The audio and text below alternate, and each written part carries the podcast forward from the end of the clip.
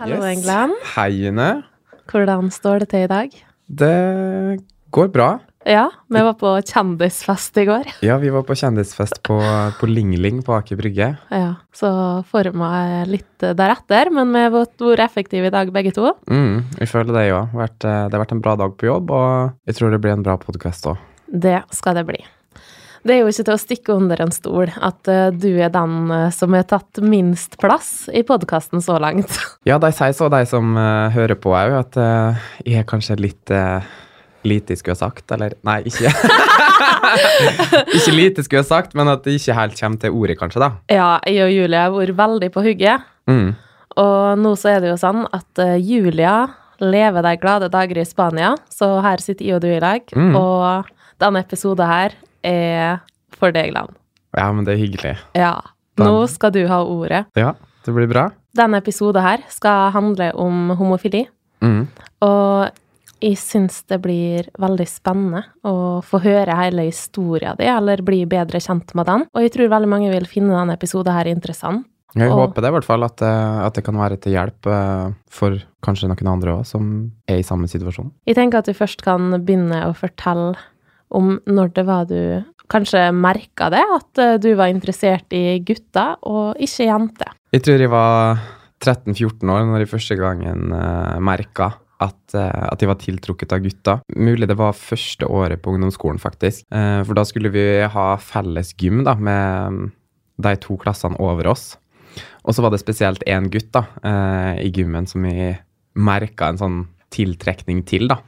Og da var det jeg forsto at hei, hva er det som skjer her, liksom? Fordi før det så hadde jeg ikke noe spesiell preferanse, egentlig. Man er jo så ung at det er jo kanskje ikke så vanlig heller. Men uh, i hvert fall så merka jeg det første gangen da, og um, det var jo veldig rart. Um, og jeg turte jo ikke på en måte å innrømme noe for meg sjøl, jeg bare prøvde jo å stue vekk de følelsene, da. Det var ikke sånn at du ga inntrykk eller uttrykk da, om det her til andre. Du kanskje fortalte at du var interessert i jenter, eller? Mm, ja, herregud, jeg sa jo ikke det her til noen. Det var jo noe som jeg bærte på helt alene. For meg på daværende tidspunkt var det helt uh, umenneskelig å skulle dele det, liksom. Så, så det var bare noe jeg kverna på inni hodet mitt, og utad så framsto jeg jo som at jeg likte jenter og flørta med jenter og ja, prøvde å være så normal som overhodet mulig, da.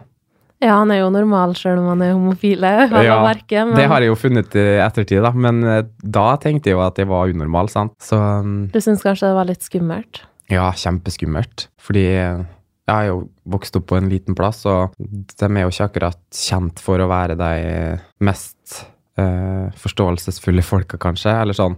Jeg føler at det er mye fordommer, da, Mm. der jeg kommer fra. De er veldig flinke å dømme, um, og da spesielt andre som er annerledes enn deg sjøl. Så det gjorde jo at frykten min blei desto større, da. Mm. Du har jo fortalt i en tidligere podkast at du ble mobba. Handla det om det med at du var homofili, eller var det noe annet som sto bak mobbinga? Mm, det hang nå sammen, ja. Men eh, jeg hadde jo aldri sagt at jeg var homofil, men rykta gikk jo på at de var det. Eh, og grunnlaget for det var jo at jeg hadde veldig mange jentevenner, eh, men jeg hadde òg veldig mange guttevenner, så det òg var jo veldig uvanlig da. At eh, det var liksom jentene og guttene også. Det var ikke normalt å drive og henge med med begge kjønn, liksom, og bli med dem hjem fra skolen, sånn som jeg gjorde. da. I tillegg så begynte jeg jo på håndball når jeg begynte på ungdomsskolen, eh, og det var jo ikke noe guttelag der jeg bodde, så da måtte jeg jo begynne på jentelaget. Og det skapte jo enda mer rykte og Ja. Så du gikk altså med det her i ganske mange år, da, før du turte å dele det offentlig. mm, Og du valgte å dele historia di i et blogginnlegg. Det var sånn du fortalte det til alle. mm, Det var derfor jeg begynte å blogge, egentlig. Oppretta med en blogg for at jeg skulle fortelle den historia her, og så forhåpentligvis at den skulle gå viralt, sånn at jeg da slapp å skulle da eh, møte opp på håndballtrening og si det der, eller si det på jobben, eller si det på skolen, eller ja, for å slippe egentlig alle de eventuelle konfrontasjonene, da. Mm. Eh, så valgte jeg da å skrive et innlegg på bloggen, og så delte jeg det. Og da hadde du ikke sagt det til familie, eller Nei. Nei. Det var ei venninne av meg da som eh, Eller to som visste det. Eh, To av mine nærmeste barndomsvenninner. De visste det jo, for da hadde jeg jo sagt det litt i forkant. Men det var ikke sånn at de visste det i flere år før jeg skrev innlegget, så det var jo på en måte ganske ferskt for dem òg, selv om de hadde fått en liten heads up på forhånd, da. Hvordan blei responsen, da, når du delte det innlegget her? Jeg var jo veldig redd for eh, at den skulle bli negativ. Mm. Og jeg hadde jo egentlig tenkt at den kom til å bli negativ, eh, med tanke på hvor fordomsfull og frekk folk hadde vært i forkant av at de faktisk sto fram, da. Men det som jeg merka umiddelbart etter at de sto fram, var jo all den positive responsen jeg fikk. Eh, ikke nok med at det var mange ukjente fra fjern og nær som skrev til meg, men jeg fikk jo tilbakemeldinger fra folk som jeg hadde gått på skole med, folk som jeg spilte håndball med. Det blei veldig godt tatt imot, da. Og fra familien òg så gikk det veldig bra. Eh, eneste pappa, han trengte liksom noen uker da for å fordøye det. Så vi snakka ikke sammen på noen uker, da. Mm. Så han trengte litt tid. Og så etter at han hadde fått eh, tenkt seg litt om, da, så, så, tok han kontakt og sa det at han liksom elska meg uansett, og var stolt av den jeg var, da. Å, så fint. Jeg tenker jo det skal jo bare mangle, da. Eh, men, men at han kom til den konklusjonen, for det er jo dessverre sånn at noen ikke får den tilbakemeldinga fra familien. Mm. Og det må jo være veldig vondt, fordi det man er opptatt av, er jo hva de nærmeste syns, og da spesielt familie og venner. sant? Eh, det er jo det som kanskje påvirker oss mest, hvis vi blir møtt med motstand og forakt av eh, folk som vi er veldig glad i. Det, det, er en veldig vanskelig situasjon. Og det kunne jo vært tilfellet, liksom, at, eh, at de hadde slått hånda av meg, men heldigvis i mitt tilfelle så gjorde de ikke det. Hva de snakka om når ikke var til stede, og hva de følte innerst inne, det, det, er det jo ikke godt å si, men utad overfor meg, da, i hvert fall, så viste de å være akseptable og, og godta det. Mm, så bra. Men så det var egentlig mye skumlere enn hva du så for deg, da? Ja, virkelig. Og etter at de da sto fram med det innlegget her, så fikk jeg på en måte en ny styrke. Jeg fikk eh, en helt annen sjøltillit, og jeg følte meg så fri. Jeg følte meg så åpen. Og det var som at liksom ti kilo med tung last var fjerna fra skuldrene mine, da. Ja, det var jo en hemmelighet som lå der, eller som du holdt helt for deg sjøl, og som Ja, jeg ser for meg at det måtte kreve ganske mye energi og tanker, og bare sånn Virkelig. Og spesielt når jeg begynte på videregående. Jeg gikk jo førsteåret når jeg laga det innlegget og sto fram. Og um, på ungdomsskolen så hadde jeg jo kommet meg litt unna, da, i forhold til det med jenter som prøvde seg og sånne ting. Men nå på videregående så begynte vi liksom å møtes litt på helgene og drikke litt, sant. Og da og da det, var det ikke like lett å skulle liksom avslå ei jente uten at det ble feil oppfatta, da. Um, så det var det som vi kjente på, at nei, nå må jeg bare stå fram, for jeg kan ikke drive og skrive med ei jente og lure deg, for det, det, er jo feil. Jeg kjente jo at det var feil inni hjertet mitt, men jeg, jeg prøvde så hardt da, og skulle like ei jente og forelske meg i ei jente.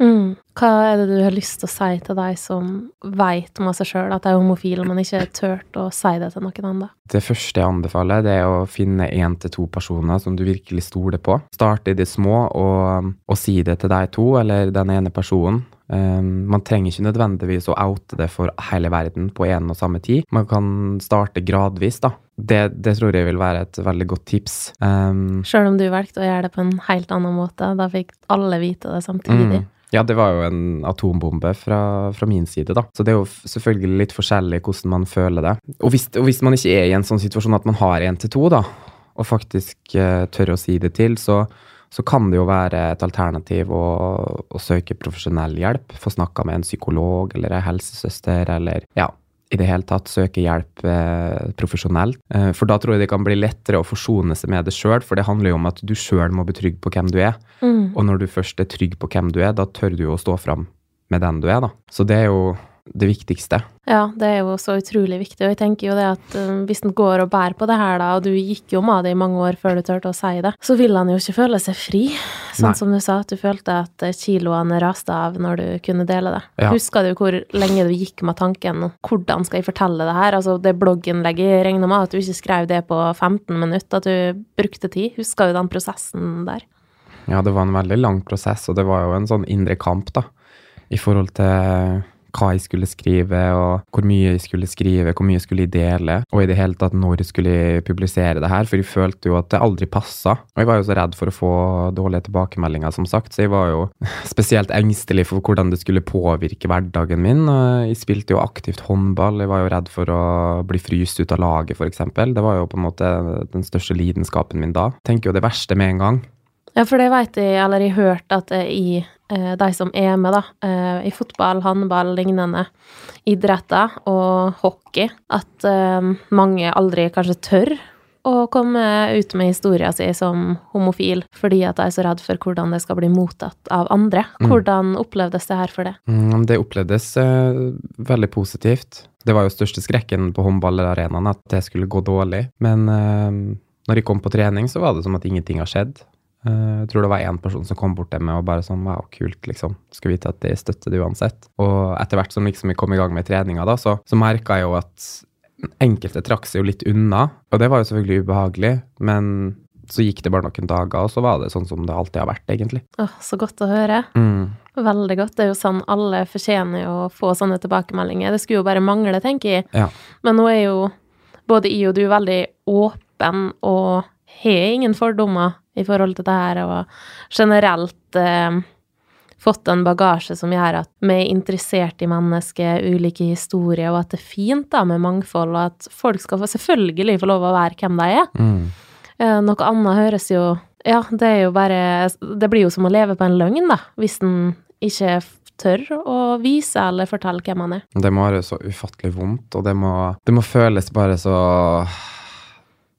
forferdelig for sjela, rett og slett. For det blir jo For min del, da, så er det på en måte sånn Det at jeg er homofil, det er på en måte en del av meg. Det, det er sånn jeg er. Det er ikke noe jeg har valgt sjøl. Det er ikke sånn at jeg liksom våkner opp om morgenen og sa i dag så skal jeg være hetero. Altså, det er ikke sånn det funker. Virkelig ikke. Um, Men det, dessverre så er det I hvert fall oppfatta det som at mange tror da at dette her er et valg. mm. Ja, det har jeg hørt òg. Da blir jeg veldig provosert når jeg, når jeg hører det. Vi er jo forskjellige. Noen mennesker er jo ikke nødvendigvis homofile eller heterofile. Noen er jo bifil, sant. Mm. Eh, og hvordan det fungerer, og hvordan det går til, altså, det veit ikke jeg. For for meg så er det liksom kun gutter og den delen der som, som gjelder, da. Men eh, vi er jo forskjellige, som sagt, og det, man skal liksom ikke si for mye om det hvis en ikke skjønner det, da, rett og slett. At en må være litt forsiktig og, og si det at liksom, herregud, jeg forstår ikke at noen kan gjøre sånn, og jeg forstår ikke det, og En ting er at du ikke forstår, men du kan prøve å forstå. Ja, absolutt. Og være åpen. Mm. Det, ja, der sa du nøkkelordet, June. For åpenhet er det viktigste av alt. Spesielt for, eh, for å bli kvitt fordommene.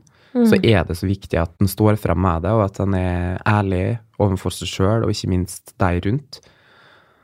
Jeg har jo kjent det nå i tolv år, så jeg har jo merka det at når noen viser at jeg er fordomsfull ovenfor det, så blir du veldig kvass tilbake. Mm. Du blir litt frekk. Det blir litt sånn forsvarsmekanisme. Ja. Og det kan du jo være ovenfor meg òg, hvis de sier noe feil. Og det er jo Jeg setter pris på at du er såpass ærlig og tør å si fra det det kan være galt, eller det Mm. Ja, at det er fint. Men jeg opplevde da at noen har kommet til det og sagt det at ja, men hvordan er det for det som er homofil? Mm. Og da blir du ja, sint, egentlig, fordi at du svarer da med at hvorfor eh, skal du på en måte spesifisere det, da? At de er Mm. homofile, vi er jo mennesker alle sammen. Ja, jeg skjønner hva du mener. Jeg blir ikke nødvendigvis sint eller går i forsvarsmodus med en gang, eh, fordi folk skal jo selvfølgelig tørre å komme bort og spørre hvordan er det å være homofil, og det er jo lov å være nysgjerrig, og det er bra at folk er nysgjerrig, det er bra at de stiller spørsmål, men det handler om hvordan måten spørsmålet blir stilt på. For det jeg ofte har merker, er liksom sånn at å ja, men det er jo så typisk homofile å være så ryddig, det er så typisk homofile å være så snill, og det er typisk homofile Og da kjenner jeg, da blir jeg irritert. Mm. For det er ikke noe typisk homofil å være sånn. Ja, selvfølgelig, man kan ha mange likhetstrekk, men hvordan du eller jeg er som person, det er jo ikke, det er jo ikke legninga som former de egenskapene eller de kvalitetene eller de tinga vi har. Det er jo oppvekst og miljø, og det er jo det som skaper det til den du er.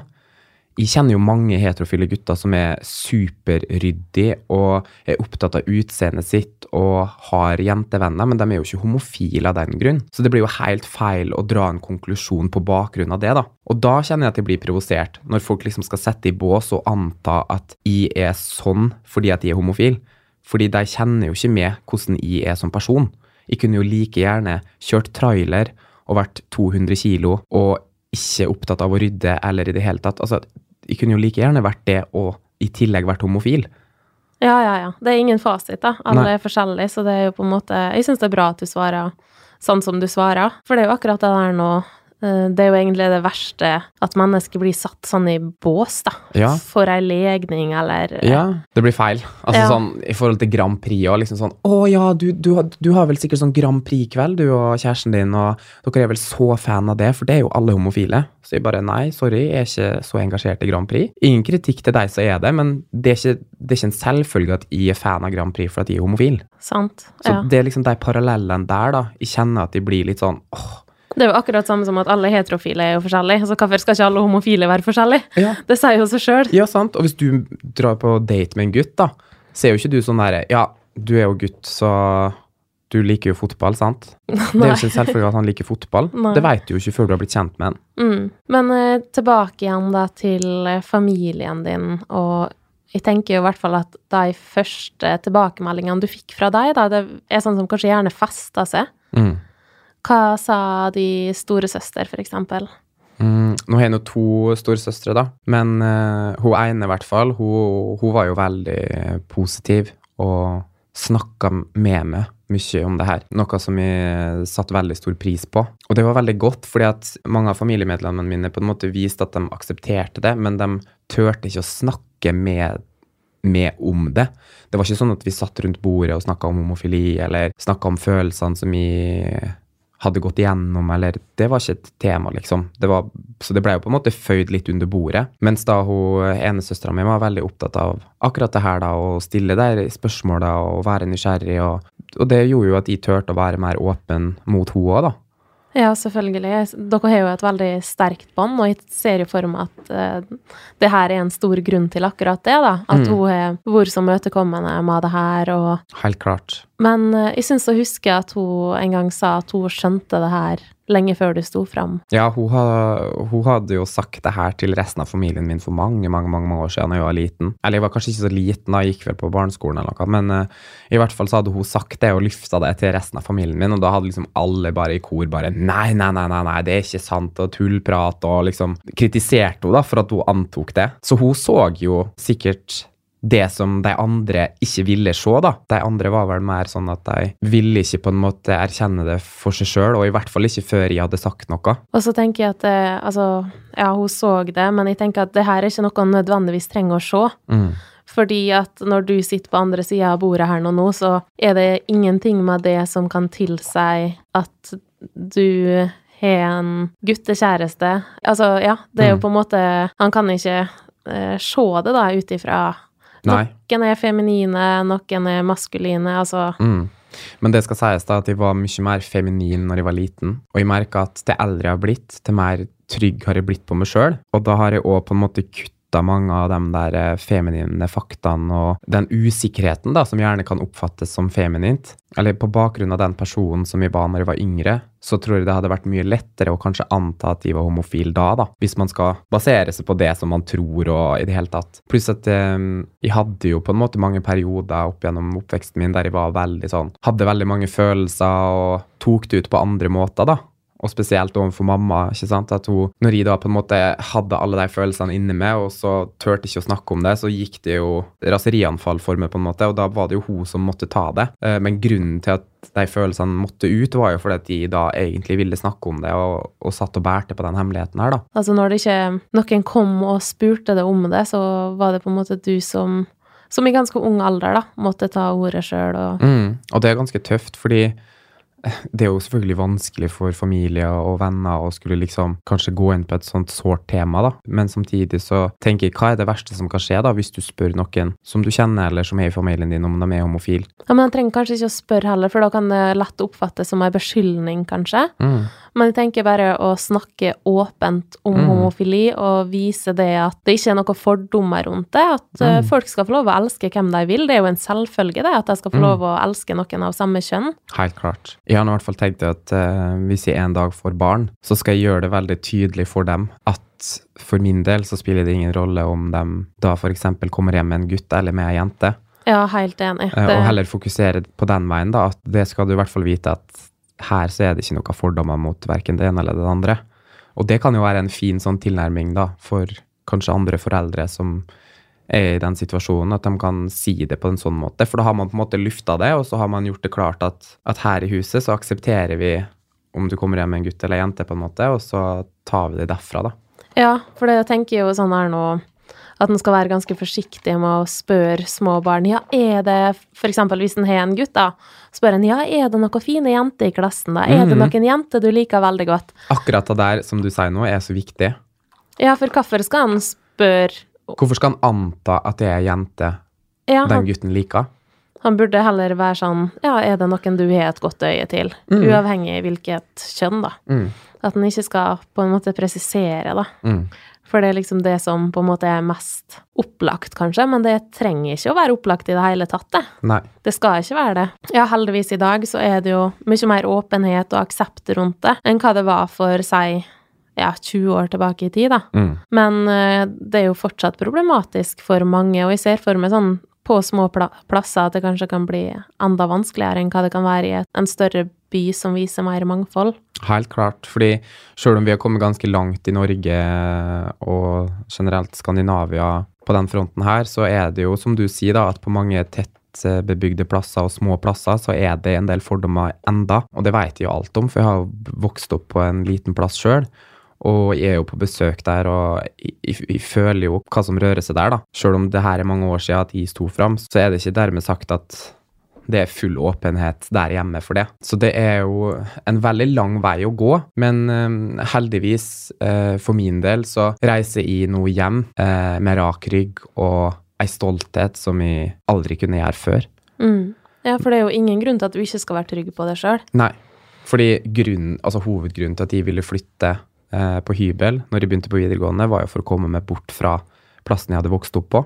Mm. Jeg ville bort fra liksom, den lille bygda, og jeg ville bort fra alle fordommene og alt slarveriet, liksom. Så jeg merka jo bare en stor forskjell da, fra å flytte fra Fræna til Molde. Hvor mye mer fri jeg følte meg bare på den lille, lille turen, da. Så det, så det er jo noe med det. Jeg tenker jo for min del nå at jeg er glad for at jeg bor i Oslo. Og det er fordi at her så føler jeg at det er mer rom for å, for å være seg sjøl. Folk eh, er ikke så fordomsfulle. I hvert fall så føler man ikke på det i en hverdag. Og det syns jeg er veldig deilig. Eh, å bo i et samfunn der det er åpenhet og det er aksept, og at en får være seg sjøl, uavhengig om hvilken legning du har, eller i det hele tatt religion.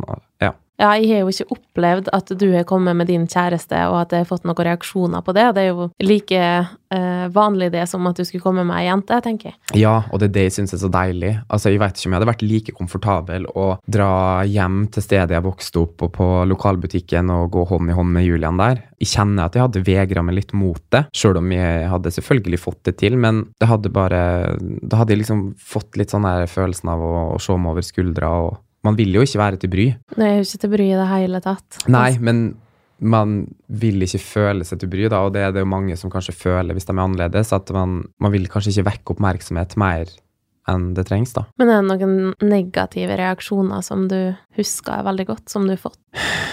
Altså, ikke sånn veldig håndfaste, egentlig. Altså, klart, det var jo mye mobbing når jeg gikk på barne- og ungdomsskolen, og en gang så ble jeg jo banka, og det har jo vært masse, masse episoder som jeg egentlig har fortrengt, da. Men sånn, etter at de sto fram, så var det jo kanskje en episode med en kompis, eh, som jeg var veldig god venn med i Molde, som, eh, som plutselig liksom bare ditcha meg da, etter at de sto fram, og, og begynte å sette ut rykte på at liksom jeg hadde prøvd meg på han, og bla, bla, bla. Og da ble jeg oppriktig lei meg, fordi jeg så på han som en kompis, og jeg hadde ikke prøvd meg i det hele tatt. Eh, og jeg visste jo fullt og helt at han var heterofil. Så det var jo kun et vennskapelig bånd eh, fra min side. Da husker jeg at jeg ble veldig såra, da. At han skulle på en måte svartlegge meg og kaste meg under bussen, da. Ja, for det der jeg tenker jo er en myte at um, hvis en står fram som homofil, så tror i gåsehudet alle gutter at eh, da kan du som homofil bli tiltrukket av deg, men det er jo helt feil. Mm. Det er jo ikke det det handler om. Nei, det er jo ikke sånn. Og det var jo en eh, situasjon sånn i håndballsammenheng òg, da, i forhold til dusjing og sånn, at liksom ja, uff, nei, vi tør nå ikke å dusje med Glenn nå, hadde jeg hørt, da, at det var snakka om. Noe så trist. Ja, hva er greia da? Tror, tror virkelig folk at hvis de står i en felles dusj med fullt av gutter, så får de ståkuk og må hoppe over deg, liksom? Tror deg ikke at, eh, at det handler om mer enn som så? Mm. Det er jo ikke sånn at en heterofil har lyst til å flyge på alt hun eller han møter av det motsatte kjønn fordi at de er heterofil. Overhodet ikke. Akkurat samme prinsippet her. Ja, det er jo det. Det Ja. handler jo om kjemi og Det må jo være to for å danse tango, liksom. Mm. Det, det må jo noe til for at Du må få noe tilbake for at det skal bli en reaksjon, da. Absolutt.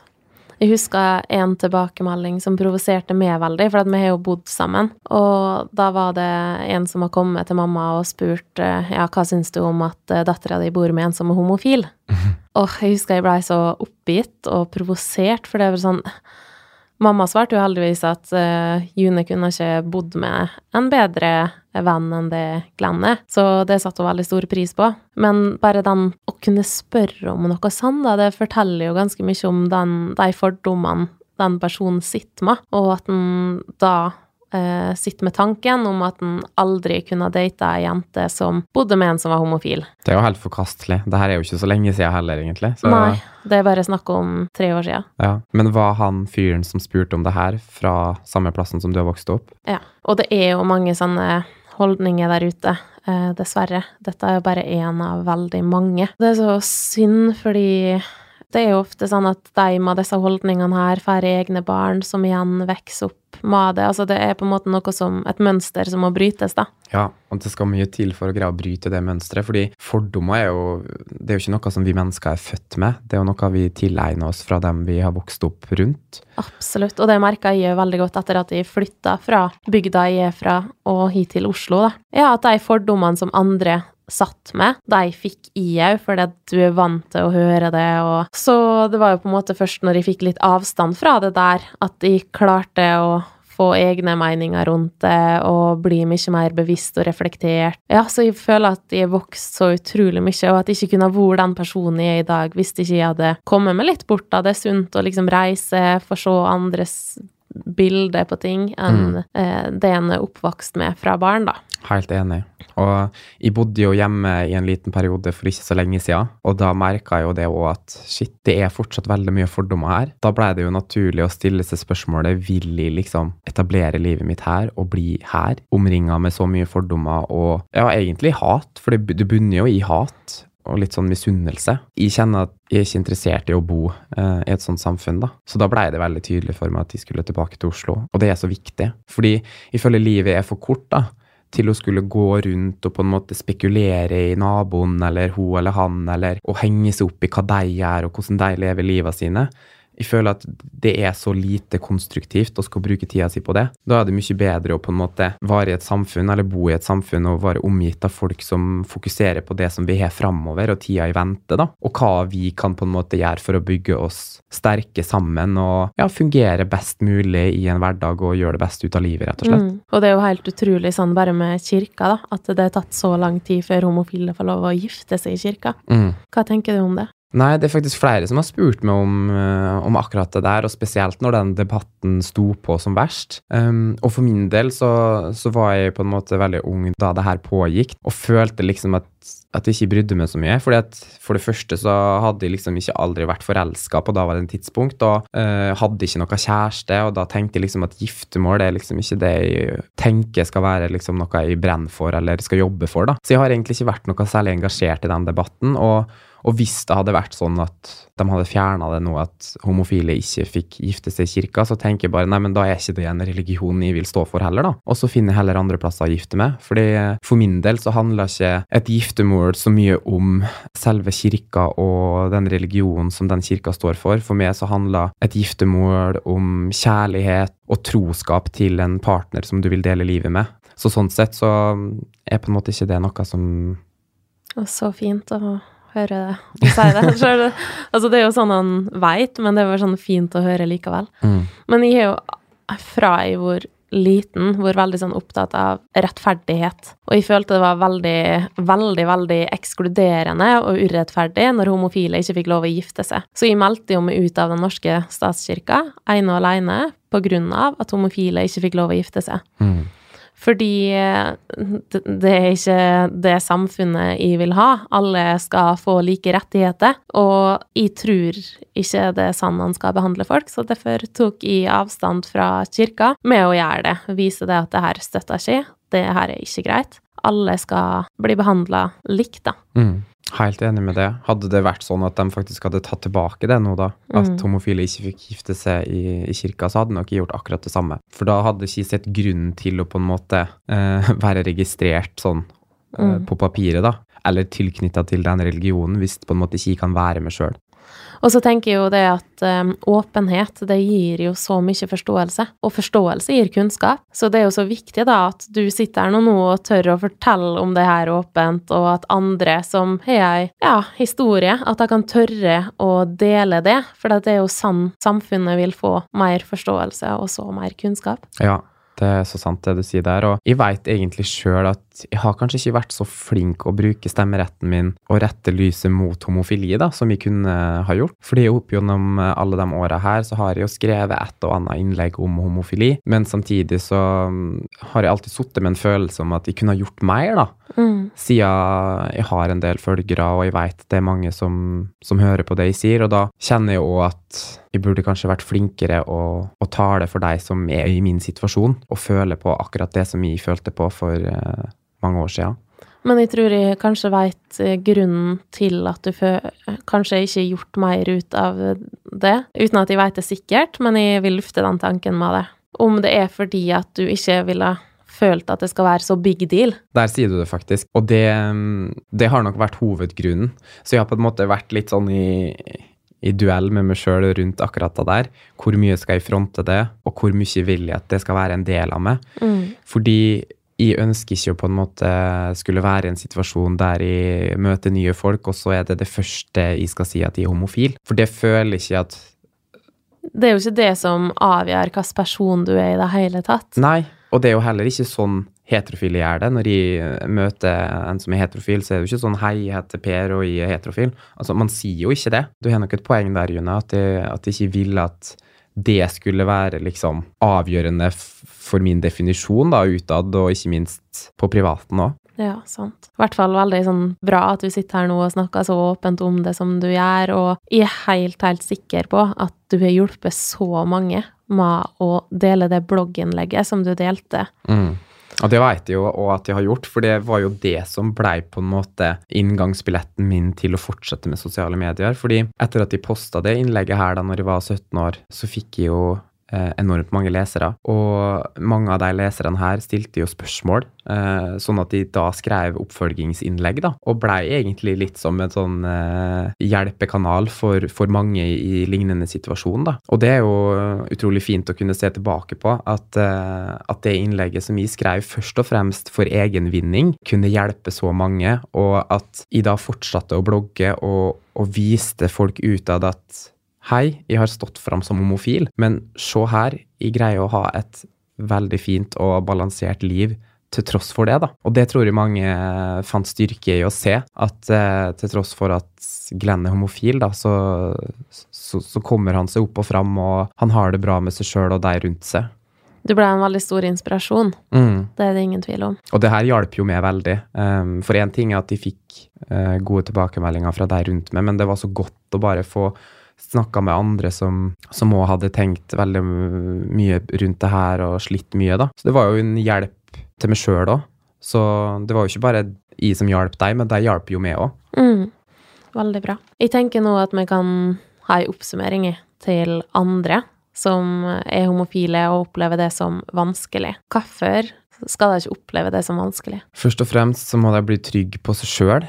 Du må utforske før du veit med 100% sikkerhet om du er homofil. Hvis du kun har hatt sex med ei jente, eller ikke prøvd å ha sex med en gutt. Det kommer jo litt an på om du er homofil, altså om du er liker gutter eller jenter, eller ja. Begge deler. Ja, så, så, man må egentlig utforske. Det er jo første bud, fordi du veit jo ikke hva du foretrekker hvis du ikke har prøvd det. Og ut ifra det så kan man jo bli ganske sikker, eller i hvert fall litt mer sikker på hva man uh, hva man er, da. Men uavhengig av det, da, om man er homofil, lesbisk eller bifil, så, så handler det om å finne noen å prate med eh, som støtter det. Og så er det egentlig bare å oute det. Snakke om det, være åpen. Åpenhet er så viktig. Det er lett å tenke at når man møter litt motstand, så vil man bare gi opp og gå tilbake til det gamle mønsteret, men det har ingen effekt. Uh, en må bare stå i stormen og faktisk stå for den en er.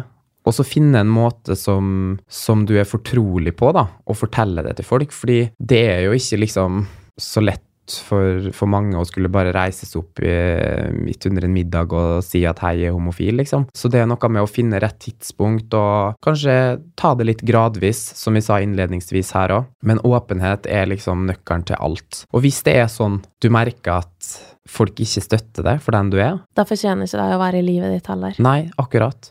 Fordi at når du står fram med den du er, det er da du finner ut hvem som er dine ekte venner. Og sjøl om du tror at du mista en eller to venner, så, så, går det fint. Det vennskapet hadde sikkert før eller siden brista, hvis på en måte det her skulle være avgjørende, da. Mm.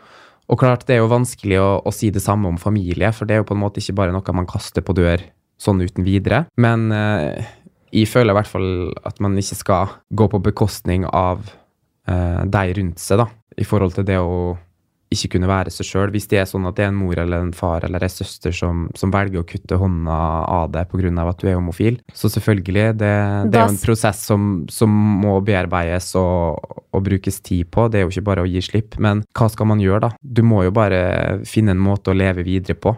Finne andre styrker, finne andre mennesker som støtter det. Hvis en får en reaksjon som det der, da, som ikke er positiv, så tenker jeg at da sier det mye mer om den personen som velger å vise avstand, da, enn det sjøl.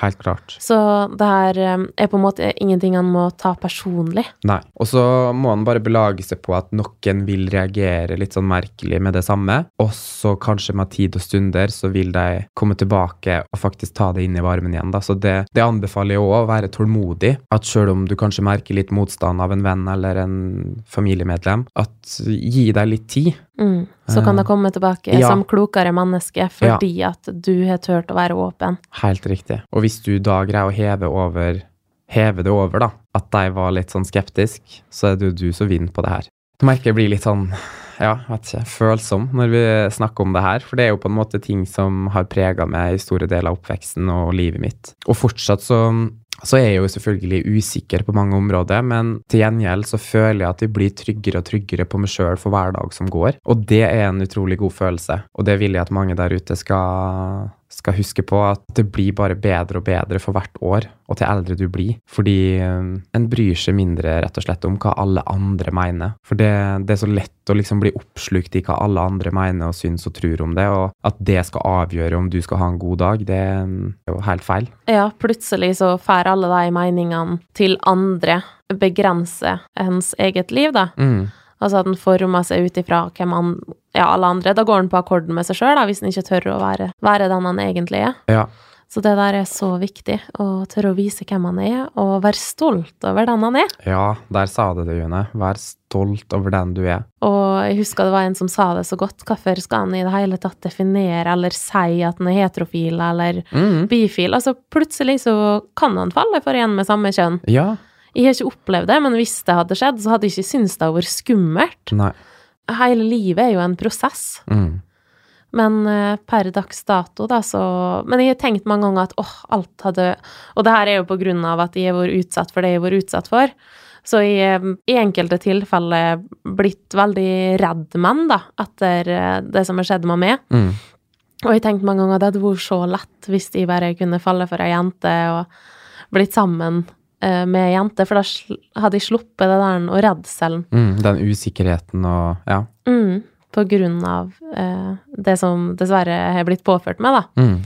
Så jeg har jo tenkt mange ganger at åh, det hadde vært så mye lettere. Men ja. uh, så er det jo ikke noe jeg kan gjøre noe med. Når, jeg kan ikke tvinge meg sjøl til å falle for ei jente heller. Nei, sant. Det der er jo På samme måte som du sier at uh, det her er ikke et valg. Det er Nei. ikke et valg. Nei. Det er bare han er. Ja. Men det er jo litt artig det du sier, da, at liksom han veit aldri hva som skjer. Altså, jeg har jo hørt historier der eh, folk som da tilsynelatende har vært heterofile og vært gift, og, og, så plutselig så bryter de ut av det ekteskapet, og da eh, forelsker seg i en av det samme kjønn. Og da er det jo mange som sier sånn ja, men herregud, de har jo visst det hele livet, bare fornekta det og sånn. Og det er jo ikke nødvendigvis det som er sant, fordi livet har jo mange faser, og det som vi føler i dag, trenger jo ikke vi å føle om ti år. For det er jo på en måte mennesket og personligheten, og, og, det tror jeg i hvert fall er noe som blir mer og mer viktig til eldre man blir, da. Ja, han er jo i en kontinuerlig prosess hele tida. Og der kan det jo være veldig fint å gå til en psykolog, da.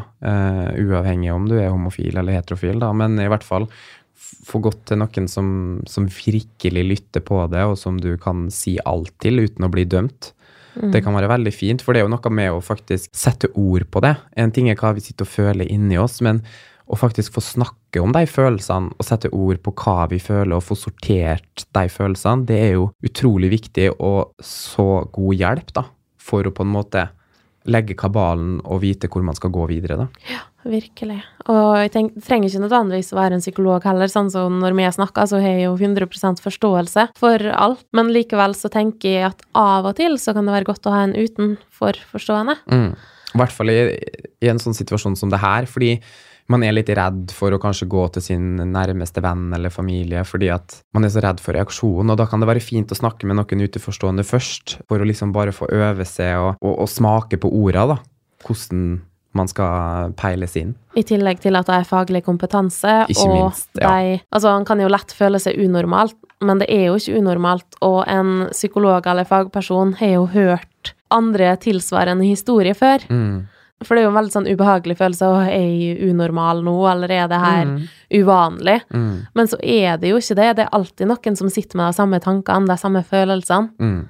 Han er ikke aleine, da. Nei. Hadde jeg kunnet fått spolt tilbake til all den usikkerheten, tilbake til alle fordommene og den frykten, så skulle jeg virkelig ønske at jeg hadde en fagperson å snakke med. Um, jeg tror det kunne hjulpet meg så ufattelig mye. Så det, det er noe jeg virkelig anbefaler, altså. Mm. Og i hvert fall hvis man kommer fra en liten plass. Det er liksom ikke lett å betro seg til noen der. Og man tør kanskje ikke å, å åpne seg fullt og helt heller. Man kan pynte litt på sannheten og i det hele tatt. Nei, det anbefaler jeg altså, virkelig. Du har bare å vinne på det, rett og slett. Mm. Også til alle der ute som hører på det her, gjerne si til de rundt deg at uansett hvem du er, så aksepterer jeg det for den du er, og at det Ja, det er liksom små ord, men det er så viktige ord. Mm. Eh, Så Det kan ja, bety faktisk alt for den personen å få høre det. absolutt. Og som forelder så er jo det ansvaret enda større, da, ovenfor hvilke rollemodellene vil være for barna sine. Mm. For hvis en sitter der og snakker negativt om eh, personer rundt middagsbordet, så blir det gjerne sånn at eh, barna plukker opp hele tida, og da er det lett for at eh, det kan føre til mobbing i skolegården, eller at, Helt klart. Det, det blir jo som en ond sirkel, da, som kommer tilbake til det. eller at en aldri tør å fortelle om sin legning, eksempel. Mm. Så det er så viktig med den åpenheten og aksepten. Ja. Å fokusere på, på det positive i folk, ikke nødvendigvis eh, anslå det verste og, og overdramatisere noe som ikke trenger å være et problem. For det er det som jeg syns er så trist med at liksom homofili skal få så mye hate, fordi det fins seriøst viktigere ting her i verden å fokusere på og bruke energien sin på. Hvorfor skal man da sitte liksom her og, og være en besserwisser og si at uh, hun og hun skal ikke kunne bo i lag eller leve sånn og sånn? Altså, hvorfor er det liksom folk som ikke får sove om natta av det her? Jeg tenker, Da er det jo noe utrolig galt oppi hodet på, på folk, altså. Ja, for det jo Det skal være helt naturlig. Ja, det er liksom sånn, det er jo ikke, det er ikke der fokuset skal være, om du er sammen med en mann eller om du er sammen med ei dame. Who cares? Det er så mange andre ting som er viktigere å fokusere på, liksom, enn å sitte og drodle negativt på det. Ja. Kjærlighet er kjærlighet, og Ja. kjærlighet er det fineste som finnes. Størst av alt er kjærligheten, vet du, June. Ja. Får håpe den kommer til meg snart òg. Må alltid ha trua. Alltid ha trua. Ja, jeg har nå det, jeg òg, da. Optimist. Bli en heldig mann. Ja. Eller kanskje en heldig kvinne. Ja. Hvem vet? Hvem veit? det hadde vært litt morsomt, da. Tenk så kult om du eller eh, Julia plutselig hadde blitt lesbisk. Eller nå har jo Julia en veldig fin kjæreste, da, så jeg er jo glad for at de er sammen. Men eh, om du hadde blitt lesbisk, hadde jo vært veldig gøy. Jeg har ikke kjent på det ennå, men han veit aldri. Nei, kanskje det blir et sånt eget prosjekt. Jeg føler nå at jeg har delt veldig mye av meg sjøl, men eh, det er veldig deilig å dele. Åpenhet er så viktig, og hvis min stemme kan være med på å lette hverdagen til en eller ei der ute, så, så mer enn gjerne, altså. For det, det er så viktig å sette fokus på det her. Og du tar jo imot spørsmål hvis noen har det til deg. Hvis eh, du sitter der og veit du er homofil, men ikke tør å dele det med noen, da kan jeg snakke med deg. Absolutt. Det er bare å ta kontakt, enten via Gjengen podkast på Instagram, eller så er det jo bare å søke på Glenn Henriksen på alle sosiale medier, så finner vi nok. Ja. Jeg setter veldig pris på å ha fått eh, høre historien din igjen, og at vi kan gjøre det på den måten her, at du får dele det i podkasten. Mm. Ja, det syns jeg var veldig fint, og jeg tenker det kan bli interessant framover at du og June kan dele ei historie som har prega det òg. Det samme for Julia, da. At det kan være litt fint at, at vi har litt eh, episoder innimellom der vi, vi snakker om ting som har påvirka oss i, i forskjellige retninger her i livet, og som kanskje andre kan finne hjelp eller trøst i, da. Ja, det syns jeg er veldig fint, at vi kan bruke podden vår på den måten her og ikke bare gapskratt og og siden sist. Nei da, det er jo for all del eh, morsomt og lett underholdning, det òg, men at vi kan dele litt mer personlige ting, det tror jeg gjør at lytterne blir enda bedre kjent med oss. Mm. Og det er jo det vi vil, at de skal bli kjent med oss. Og vi har jo så mange forskjellige sider alle sammen, så det tar jo litt tid før man blir kjent, men uh, jeg føler vi er godt på vei nå, i hvert fall. Ja, denne episoden her, den uh, tror jeg blir veldig godt mottatt, og at veldig mange vil sette pris på den. Vi får håpe på det. Ja, men da snakkes vi igjen om ei uke, da. Ja, det gjør vi. Jeg gleder meg allerede. Forhåpentligvis så kommer vi til å snakkes før det, Glenn. ja, vi skal jo ses igjen før den tid. Det er Ja. ikke noe tvil. Ok, men da får dere ha en fortsatt god onsdag. God onsdag, alle sammen. Og ikke glem å gå inn på Gjengen podkast på Instagram og følge oss der. Still gjerne spørsmål hvis dere eh, har noe på hjertet eller eh, forslag til ting vi skal snakke om i podkasten videre. Og så må dere gjerne gå inn på iTunes og gi oss eh, fem stjerner der, Mm. for sånn kan andre òg oppdage podkasten vår. Ja, spread the word og del. Det setter vi pris på, vet du. Tusen takk for at dere lytta.